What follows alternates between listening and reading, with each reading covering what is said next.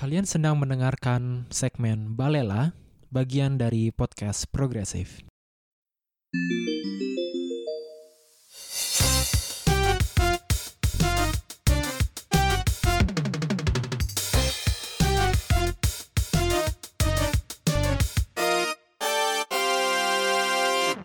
Halo Sobat Progresif, selamat pagi, siang, sore, atau malam di mana pun kalian berada masih di rubrik Balela bersama saya, Kiraldus, Saya Kit.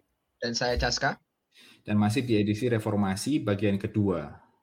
Kita masih bersama dengan eh, dua teman diskusi yang hadir untuk memperkaya, memperkaya wacana hari ini, yaitu Mbak Lia Toriana, analis politik perintis Youth Proactive, website-nya bisa teman-teman lihat, dan Instagramnya juga. Dan Mas Febriwan Rajab, analis politik juga, peneliti lepas. Perkenalan lebih lengkapnya ada di bagian satu.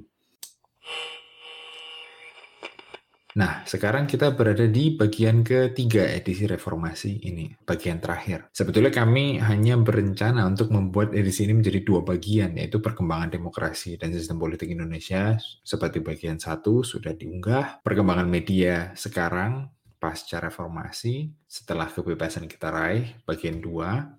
Nah, namun dalam proses perekamannya, ketika kita sampai pada topik citizen journalism atau jurnalisme akar rumput yang seharusnya jadi bagian dua, ada intermezzo yang kepanjangan. Tapi penting, karena itu membuat kita berefleksi dan kita merasa bahwa itu sayang untuk dibuang, yakni mengenai kritik dan ungkapan kegelisahan kami mengenai eh, narasi tunggal yang berkembang di Indonesia mengenai definisi sukses dan milenial. Barangkali tidak dapat dikaitkan secara langsung dengan reformasi, namun pembahasan ini tetap penting untuk menyajikan perspektif baru untuk para kaum muda, untuk para sobat progresif. Dan tak kalah menarik nanti si Akit, salah satu penyiar kita juga, sebagai praktisi di bidang startup yang sekarang lagi kuliah di München, dia juga salah satu perintis startup namanya Medigo, Medigo di bidang medis. Ya semacam penetral kritik kita lah supaya kita juga tidak jadi berat sebelah jadilah bagian ketiga ini gitu dan tentu saya harus sertai dengan rekaman tambahan pembuka ini dan penutup nanti. Jadi langsung aja mari kita simak serunya perbincangan kita. Nah, di bagian dua kemarin kita membahas soal sudah menyinggung sedikit sebetulnya soal demokratisasi eh, media itu tadi dan itu hanya mungkin oleh fasilitas teknologi yang kita miliki sekarang. Makanya ada media sosial dan sekarang yang baru agak berkembang citizen journalism kan atau jurnalisme akar rumput. Ini mumpung ada Mbak Lia yang juga mendirikan salah satu portal jurnalisme akar rumput ya.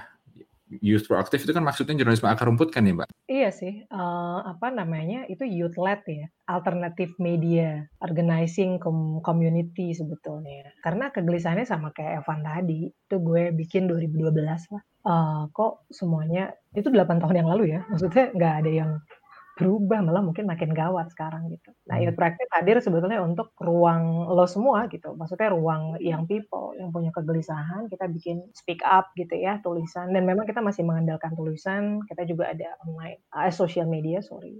Itu itu ruang-ruang di mana apa ya? Tapi kita juga pernah kena pernah kena bridge juga.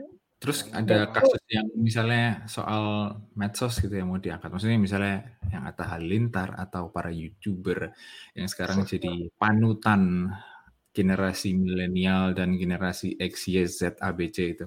Gue ketakutan sih untuk mengatakan apakah mereka betul-betul panutan atau bukan ya. Karena panutan itu lewat proses pencarian loh. Maksudnya gue gue sama atau gue mengidolakan tokoh siapa pun itu TV personalis itu proses pencarian karena gue suka tulisannya karyanya dan sebagainya gue apa iya ya orang tuh suka Atta Halilintar karena karyanya.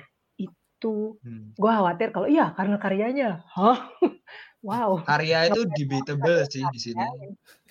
Iya iya, cuman maksud gue ya of course debatable tapi gue takut gue takut ketika generasi ke depan itu adalah bukan generasi bacot tapi generasi bacot. Waduh waduh. Debatable banget. gue bukan generasi baca tapi generasi bacot. Makanya kenapa warga net itu online shamingnya parah? Karena dia emang cuma bacot aja kan. Baca Nah, dan kita juga akhirnya di Youth Proactive juga tidak menjadi mainstream of course gitu. Karena kemudian kita kalau ada kritik apa ah lebay uh, apa jangan terlalu over politics, gitu, jangan gini. Terus gue kayak, ah ini kenapa anak mudanya pada gini semua sih gitu. Tenang aja kali, ah lu baper, Wallace kali santuy gitu. Ah Wallace santuy, gila nih ada orang-orang kelaparan di sekitar kan misalnya. Serem gue, maksudnya gue gue ngelihat apa namanya, makanya gue berharap sebetulnya alternatif-alternatif kayak gini, bikin podcast gitu ya, sebarin ke orang gitu. Eh lo kasih kritik dong, kira-kira apa pun itu. Karena sekarang tuh yang menurut gue mahal tuh kritik tuh malah. Kritik yang menurut gue ada isinya dan konstruktif ya. Bukan cuman kayak, ah ini suaranya nggak kedengeran. gue ya, karena kritik yang menurut gue kritik yang tumbuh itu adalah kritik saat dia membuat sesuatu untuk menjawab podcast ini misalnya. Eh gue bikin podcast tuh untuk ngejawab podcast lo. Ah, itu keren banget men sama yeah. kayak para pemikir-pemikir dulu saat dia bikin yeah. tulisan, dia jawab sama tulisan. Betul. Benar, betul. Kan? Itu benar banget sih yang kalau tulisan dilawan tulisan itu Sebetulnya kalau baca sejarah tahun sebelum Orba itu kayak gitu nggak sih? Maksudnya di koran-koran kan ada banyak banget terus pada nyerang satu sama lain. Ada yang, yang aluan yang kiri diserang kanan dan lain sebagainya. Dan itu sekarang kok rada dirindukan. Nah, tapi um, kalau dilihat paralitasnya ya, kalian setuju nggak kalau saya bilang bahwa kita itu sekarang lagi ada di semacam persimpangan sejarah. Ada teknologi baru, media sosial yang kita dapat. Dan itu memungkinkan media alternatif. Karena toh teknologi yang kita pakai bisa dipakai untuk berpendapat juga. Dan itu paralitasnya kita bisa lihat di waktu masa Renaissance, waktu abad ke-16 ya, waktu Gutenberg menemukan uh, printer ya, menemukan press. Yang itu bersambut dengan penemuan kertas dari Italia. Tapi intinya dengan itu itu muncul orang-orang bikin brosur-brosur, terutama yang melawan gereja Katolik ya orang-orang Protestan, tentunya Martin Luther atau Ulrich Zwingli itu menggunakan metode atau fasilitas itu, fasilitas selebaran brosur yang dimungkinkan oleh printer itu. Sebelumnya kan nggak ada printer nih, sebelumnya sebelumnya orang kalau mau bikin harus disalin ulang kan, salin pakai tangan. Dan salin pakai tangan nggak mungkin kita cuma nyebar-nyebar pakai salin pakai tangan. Nah sekarang kan ada waktu itu ada mass production of it itu dipakai tapi suara yang disuarakan tuh suara progresif gitu loh suara yang ngelawan hmm. gereja waktu itu yang korup nah itu juga ada di abad ke-18 bahkan ini menurutku yang paling um, kontras dari yang sekarang ya. Yang waktu abad pencerahan itu ada yang namanya Moral Weekly. Dan itu contoh itu ada di Inggris, Prancis, Jerman. Contohnya di Inggris itu tahun 1700-an awal ya, itu ada The Spectator, The Guardian, The Tatler nama-nama yang mungkin sekarang dipakai lagi sama eh, sama media yang baru. Dan itu isinya adalah misalnya orang nggak setuju dengan penerapan um, waktu itu kan udah mulai sekularisasi ya. Jadi orang bisa memprotes penguasa setempat yang nggak mesti raja yang absolut monarki lagi. Itu bukan koran lembaran resmi juga dan itu media alternatif juga maksudnya. Menurut Habermas, media alternatif itu memainkan peran yang penting untuk penyadaran masyarakat Eropa menjadi masyarakat sipil sebelumnya kan masih masyarakat agraris desa dan lain sebagainya secara sosiologis dan itu dimungkinkan oleh teknologi printer yang makin maju waktu itu. Nah, kalau sekarang kenapa malah media alternatifnya jadi diisi informasi-informasi banal, sangat tidak penting misalnya atau halilintar dan lain sebagainya. Jauh sekali dari bagaimana seharusnya potensi media alternatif itu bisa menjadi kan amat dikuasai budaya konsumsi, panjat sosial, orang-orang pengen terlihat kaya, pamer dan lain sebagainya. Ini apa sih yang terjadi gitu? Uh, lo punya temen yang, uh, dulu waktu pas sekolah biasa maksudnya diem, maksudnya relatif pendiam, terus pas media sosialnya rame nggak sih? Jadi maksudnya, ih dia kan pendiam waktu di kelasnya nggak pernah ngomong, tapi media sosialnya tiap lima menit update status, gila kali ya gitu. Pernah ada nggak? Ada ada. Pernah pernah. Ada Ada ada satu fenomena, uh, Suller, dia bikin apa namanya, ada di jurnal internasional soal psychoanalytics gitu itu namanya tuh online disinhibition. Uh, jadi orang tuh nggak punya otoritas otonomi karena semua anonim aja. Hmm. Karena lo nggak bisa protes kan kayak misalnya, eh gue kemarin liat medsos semua kok kayak gitu sih. Dia dia bisa menghindar kan, dia bisa menghindar dari itu. Dan otoritas dia sebagai personal itu tuh luntur gitu, runtuh. Karena di hadapan layar, they can be everyone, they can be even not themselves. Tidak ada tuntutan lo menjadi diri lo sendiri. Makanya kan belakangan kemudian banyak ya apa sih motivator atau misalnya self love words yang ingetin kayak you are what you post, you are what you whatever untuk kembaliin bahwa lo harus being honest dan juga tetap berintegritas dong bahkan di layar-layar medsos lo gitu. Bahkan di karena agency lo itu ya medsos lo. Saat lo menjadikan medsos lo itu bukan ruang agency lo untuk apa namanya berjuang ya. Kalau gue mungkin algoritmanya udah dicarinya untuk bacaan-bacaan yang serius. Gue yakin juga lo semua sebenarnya target dari algoritma itu kan ya nggak sih lo pernah nggak menanyakan kalau kenapa gue nggak tertarik Atta Halilintar? Ya iya lo nggak pernah nggak klik Atta Halilintar, lo nggak klik bacaan-bacaan jurnal-jurnal dalam-dalam segala. Tapi itu positif nggak? Kalau kita nggak ya, ngeklik Atta Halilintar gitu ya, atau jangan Atta Halilintar lah nanti kena UT. Atau kalau kita nggak ngeklik yang nggak penting nggak penting gitu, kita ngeliatnya yang penting-penting terus atau yang beresensi gitu, itu positif nggak? I think yes. Dalam youth movement ya, gue nggak tahu lo pernah bahas apa enggak soal kabar youth movement kita hari ini gitu ya. Bisa bilang mengkhawatirkan karena makin ke sini makin tokenistik gitu. Kan uh, propaganda, gue nyebutnya bahkan propaganda. Propaganda entrepreneurship tuh menurut gue udah kurang ajar. Uh. gue nggak apa-apa lo bikin startup, gue seneng banget. I have so many friends who started a startup. Contohnya Akib iya, iya, baca ini akun WhatsApp apa status WhatsApp apa ya ya WhatsApp profilnya gue terus gue lihat medico whatever which is that's going. uh, tapi pernah nggak dipertanyakan sebetulnya bentuk perubahan sosial apa sih yang mau dibuat berdampak untuk masyarakat gitu. Maksudnya itu perlu terus dituntut agar sustainability atau keberlanjutan dari youth movement tuh jalan. Kalau enggak dia cuma musiman aja. Ya, dan maksudnya kenapa kemudian uh, pro, kenapa gue sebutnya propaganda? Uh, dua sebelum 2019 sebelum which is 2018 2012 itu ada yang namanya gerakan seribu startup. Ya?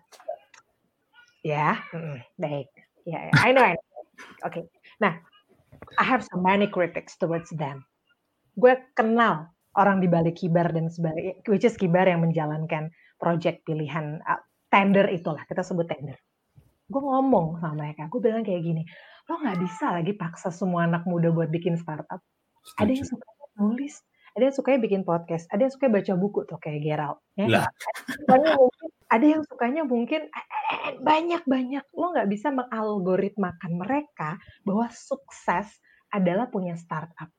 Bahwa sukses adalah jadi wira swasta bahwa sukses adalah terkenal di media sosial.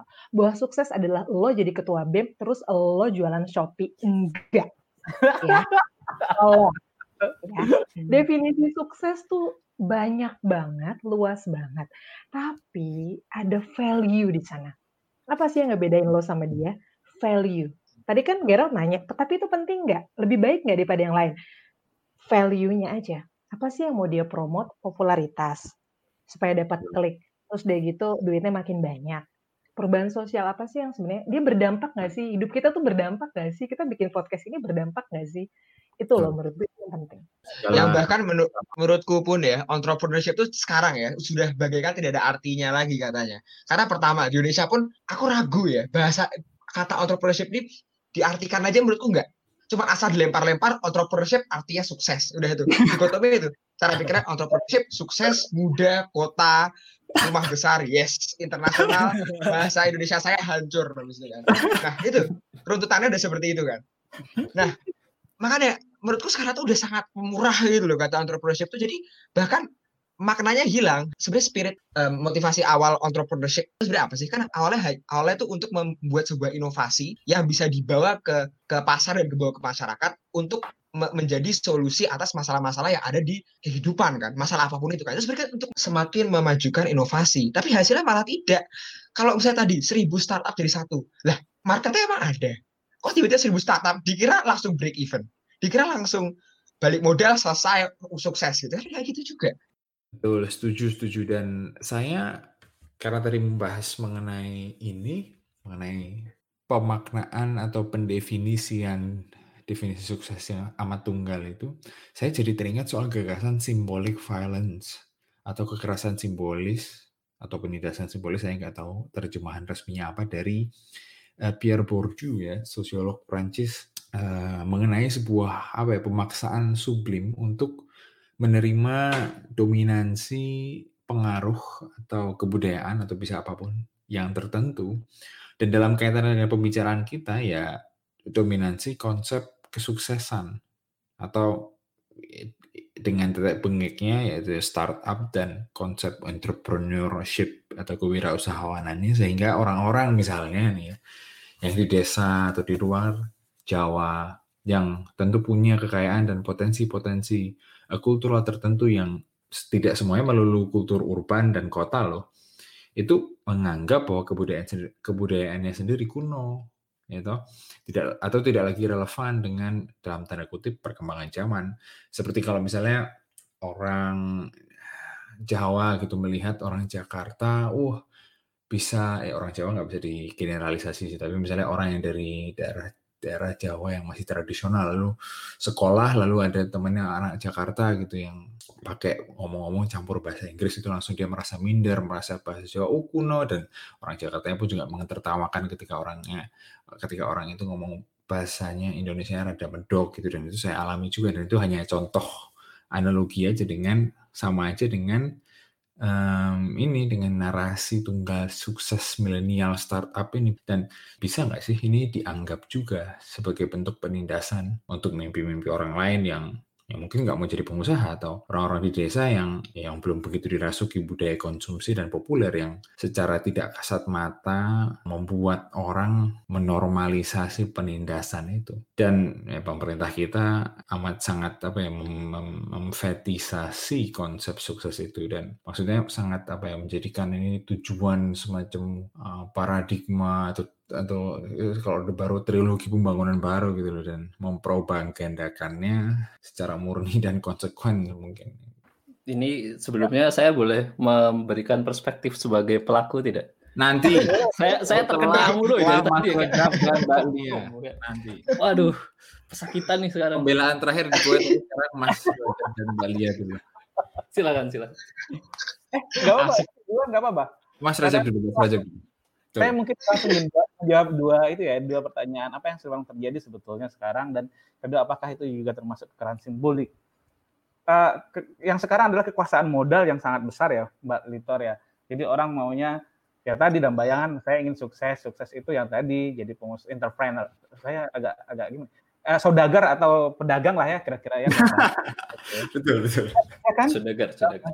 Kita kan itu pedagang sama saudagar atau saudagar gitu ya Nah, kekuasaan modal ini juga pertama kan keterbatasan keterbatasan media yang tadi dibilang dan dengan sedikitnya media itu juga dikuasain oleh beberapa orang dan sayang beberapa orang itu juga adalah orang-orang politisi yang sangat dekat dengan kekuasaan. Maka uh, cenderung media-media itu akan disesuaikan dengan kepentingan-kepentingan mereka uh, atau agenda-agenda penguasa termasuk uh, bagaimana gencarnya kita dipaksa. Anak muda generasi Z itu ya tadi generasi milenial tadi uh, dibilang harus jadi pengu saudagar atau pedagang ya atau harus ada startup lah. Kalau nggak startup sih nggak gaul kira-kira gitu.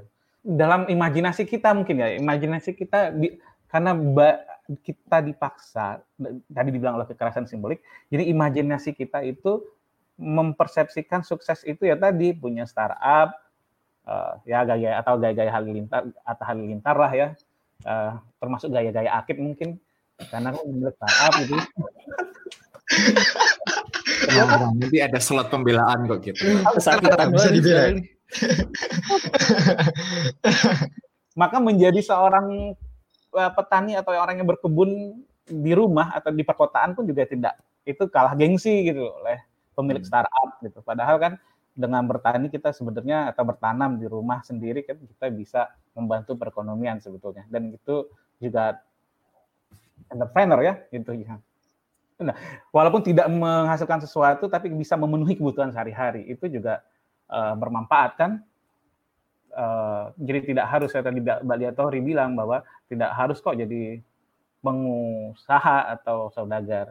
Tapi masalahnya adalah Eh, lagi-lagi uh, propaganda ini sama kayak yang dikatakan Orde Baru yang trilogi pembangunan, stabilisasi, pertumbuhan dan pemerataan. Tapi sekarang adalah berganti anak muda, teknologi dan pengusaha. Anak muda identik dengan pengusaha, anak muda identik dengan medsos, anak muda identik dengan startup.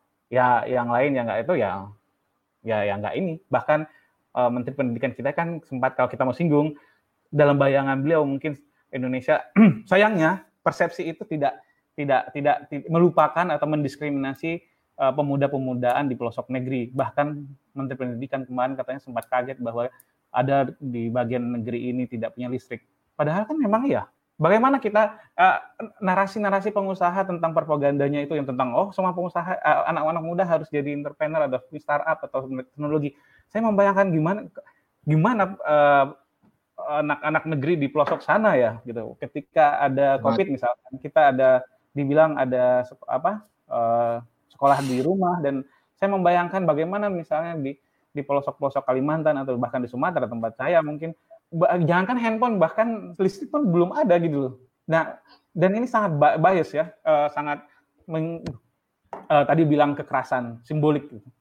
Uh, dan tidak membuka akses. Bahkan negara juga lambat membuka akses. Kalaupun memang harus propaganda itu uh, akses atau infrastruktur teknologi pun juga uh, lambat untuk disediakan gitu. Kalaupun misalnya misalkan punya listrik, terus kalau orang tuanya punya handphone, anggaplah punya handphone misalkan untuk konteks sekarang ya, misalkan yang apa sekolah di rumah, tapi apakah mereka bisa mengoperasikan hand, yang handphone yang bisa zoom misalnya? Saya sanksi gitu ya di beberapa daerah, terutama di pedesaan-pedesaan. Nah, yang yang itu menurut saya negara sudah melakukan pembiaran atau ya menutup akses gitu Dari satu sisi mereka sangat gemar gitu loh eh, memanjakan uh, anak muda perkotaan dengan tema-tema tadi uh, teknologi, uh, startup dan yang lain. Dan betul itu ada kekerasan simbolik. Iya, melanjutkan yang dibilang sama Mas Rajab tadi gitu ya, memanjakan anak muda sekaligus memberikan mereka fasilitas buat jadi staff sus.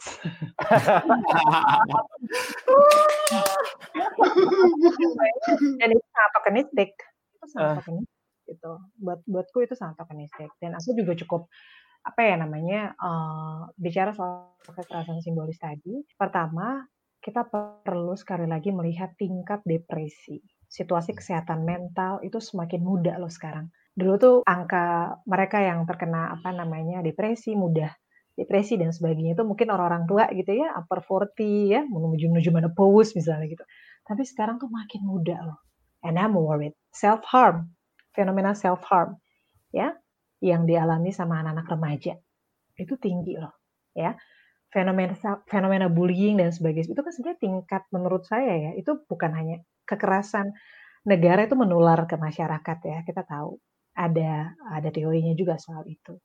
Kenapa? Karena tadi karena definisi sukses, karena definisi menjadi tidak gagal atau definisi menjadi anak muda yang berfaedah bagi bangsa dan negara adalah yang ini, yang sebelah sini, yang tadi punya semua lah yang digadang-gadang sama pemerintah. Padahal kan enggak gitu loh. Uh, aku aku sangat-sangat uh, apa respect sama teman-teman yang punya startup, which is ngobrol juga dan gimana ya Li supaya ini bisa terus lanjut. Sustainability is the key. Karena mereka Abu Siman dua dua tiga tahun bagus tuh bla bla. Aku ada punya teman di Jogja juga. Terus ditawarin kerja di salah satu maskapai penerbangan, akhirnya dia cabut. Gali gak gue pegang lagi, akhirnya gue kerja. Ya gimana dong? Sustainability akhirnya menjadi tantangan. Apakah pemerintah hadir di sana? Well, Akit yang paling tahu jawabannya mungkin.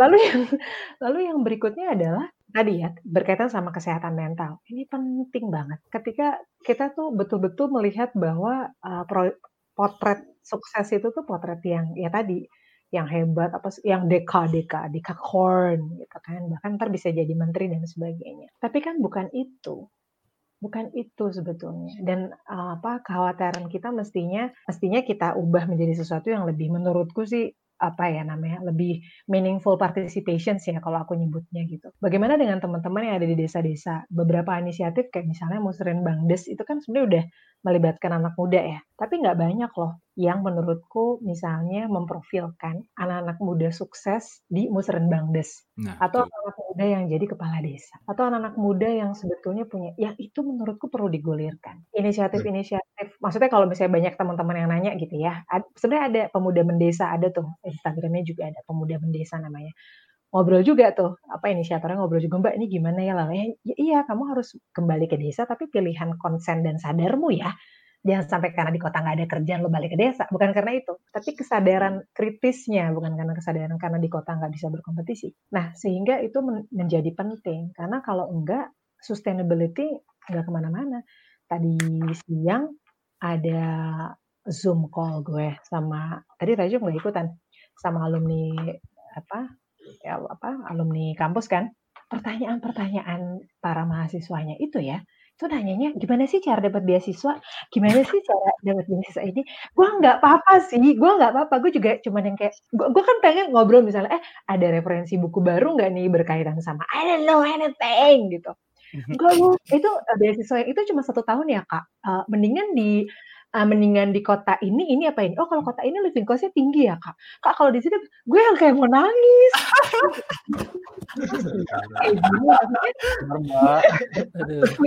Gue sampai maksudnya gue mengharapkan tapi mungkin gue high expectation kali ya.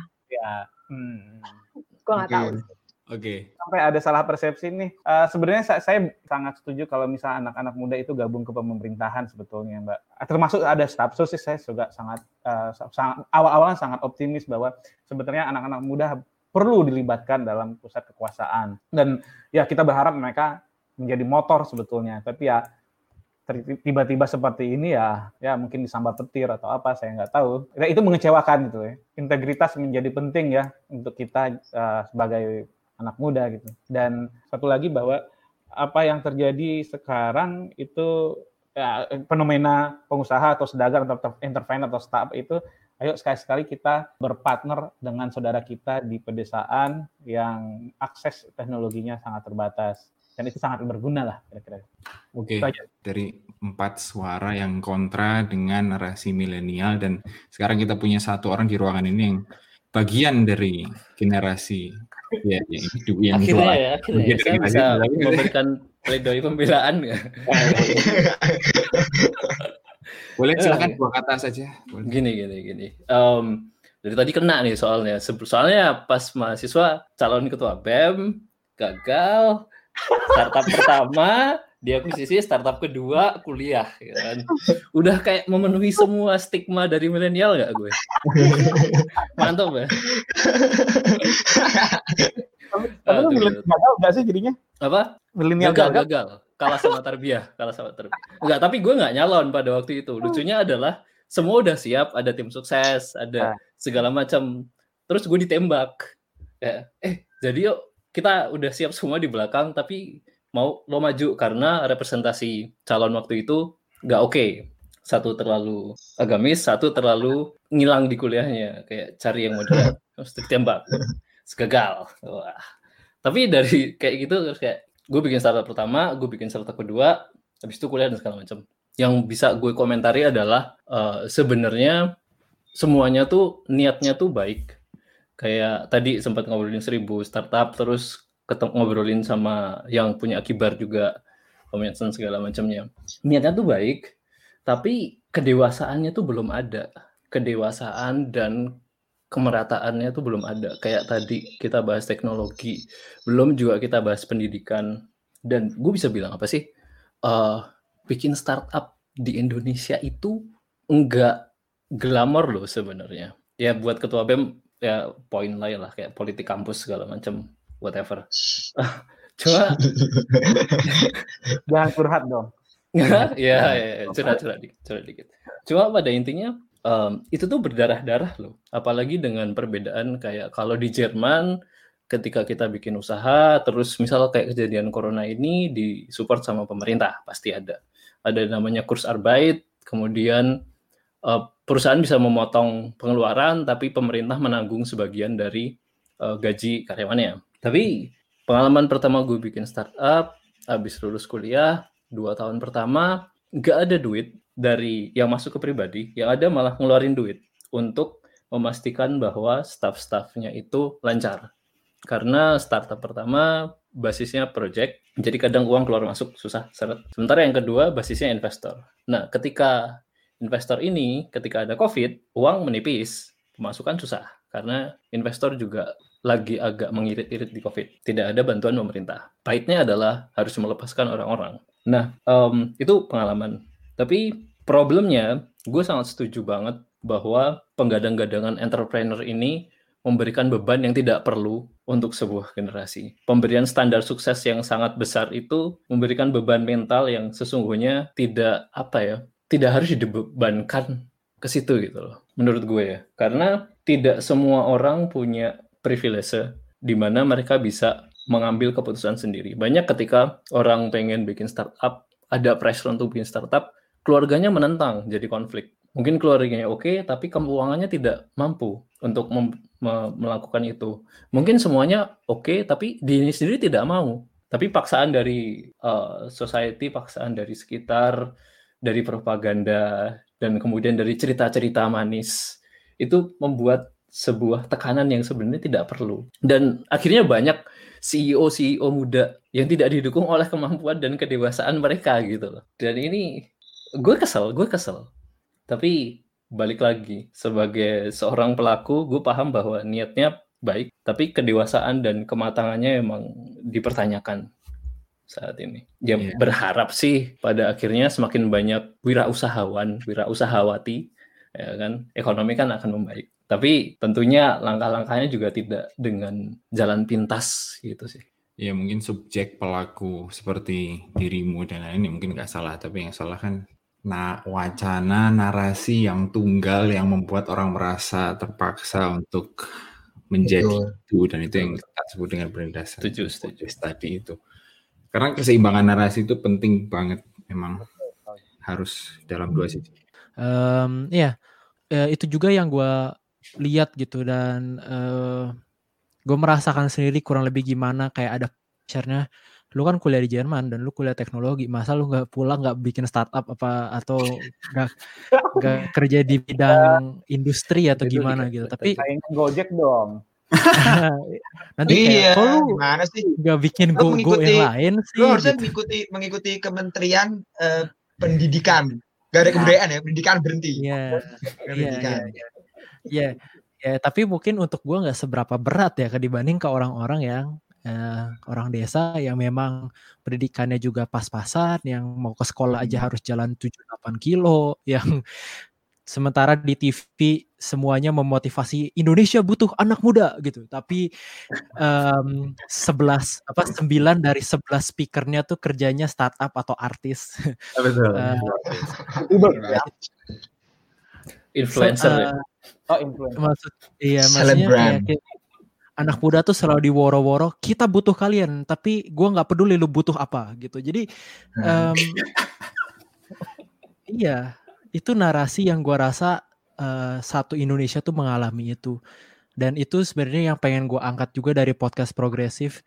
Karena uh, kalau kalian lihat dari episode awal sampai sekarang itu temanya tuh selalu macem-macem. Bukan karena nggak punya identitas tapi gue pengen menunjukkan bahwa ini ada loh anak muda yang nggak jadi artis startup nggak jadi youtuber nggak jadi selebgram.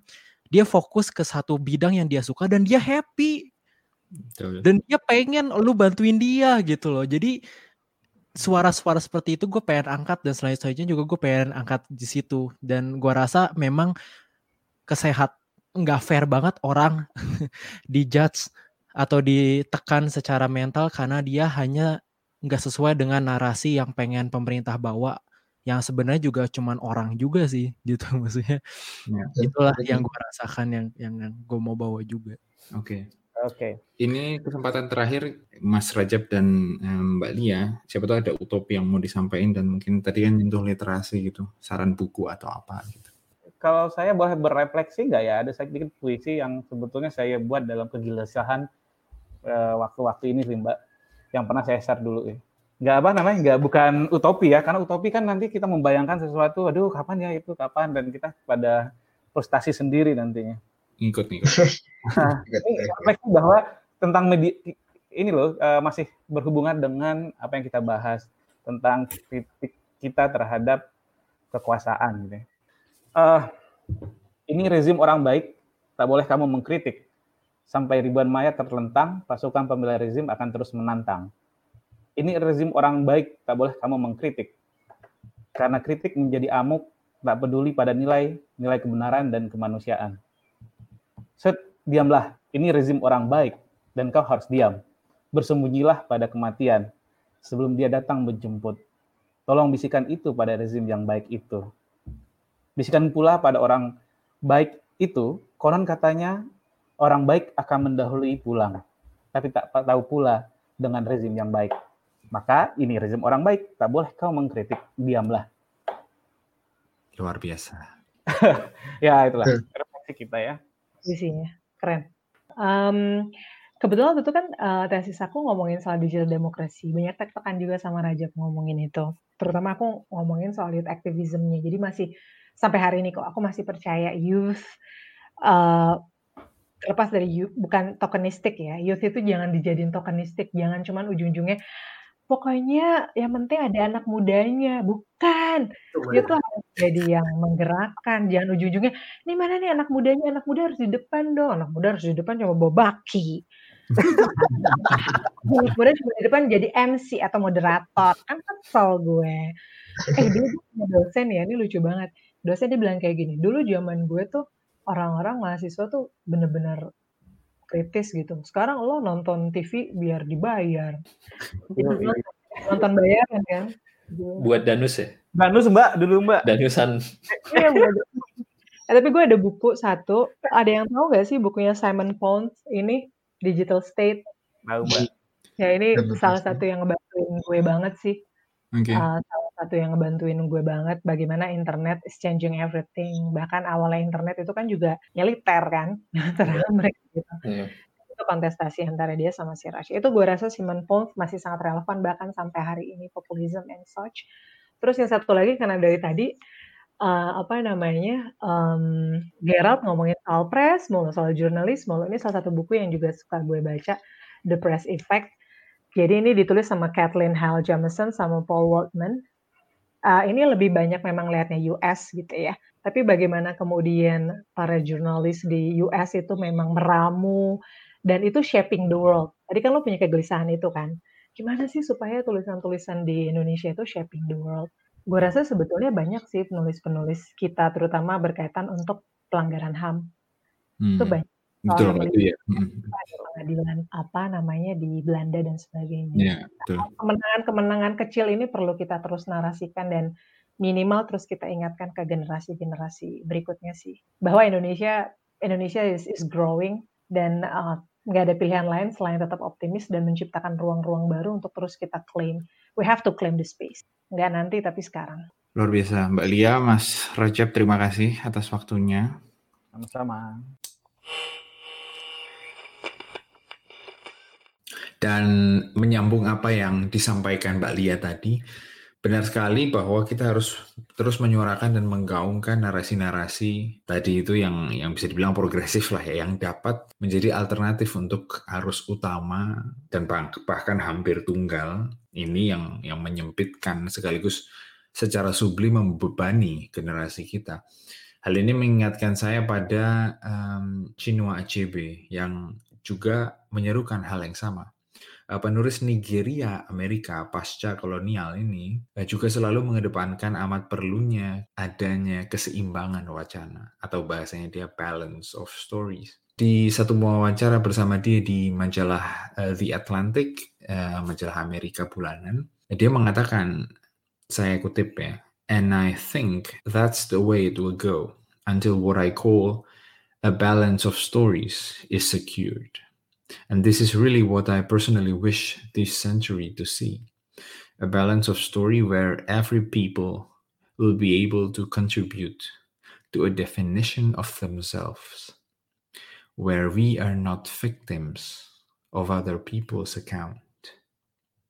Ya, jadi ketika orang bisa memiliki atau berkontribusi terhadap definisi untuk dirinya sendiri, di mana kita bukan korban dari cerita orang lain atau dari konsepsi yang dipasak, dipaksakan orang lain. Tentu konteks di mana pernyataan dia muncul jauh berbeda dari konteks yang kita perbincangkan tadi. Chinua Achebe ini membahas mengenai dampak kolonialisme Inggris yang menggeser dan merendahkan narasi-narasi atau wacana asli atau bisa dibilang kearifan lokal suku-suku Nigeria dengan menciptakan dominansi budaya Inggris atau budaya Barat yang tentunya dengan mekanisme symbolic uh, violence kalau mau pakai teorinya Pierre Bourdieu itu tadi. Hmm, kalau kita pikir-pikir bukankah mirip seperti apa yang terjadi di Indonesia juga sebetulnya ya, sobat progresif? Terima kasih karena telah mengikuti kami di tiga bagian edisi reformasi terakhir ini. Kami harap bermanfaat untuk supaya Sobat Progresif dapat selalu membongkar kungkungan pikiran kita dengan membalela pikiran kita masing-masing.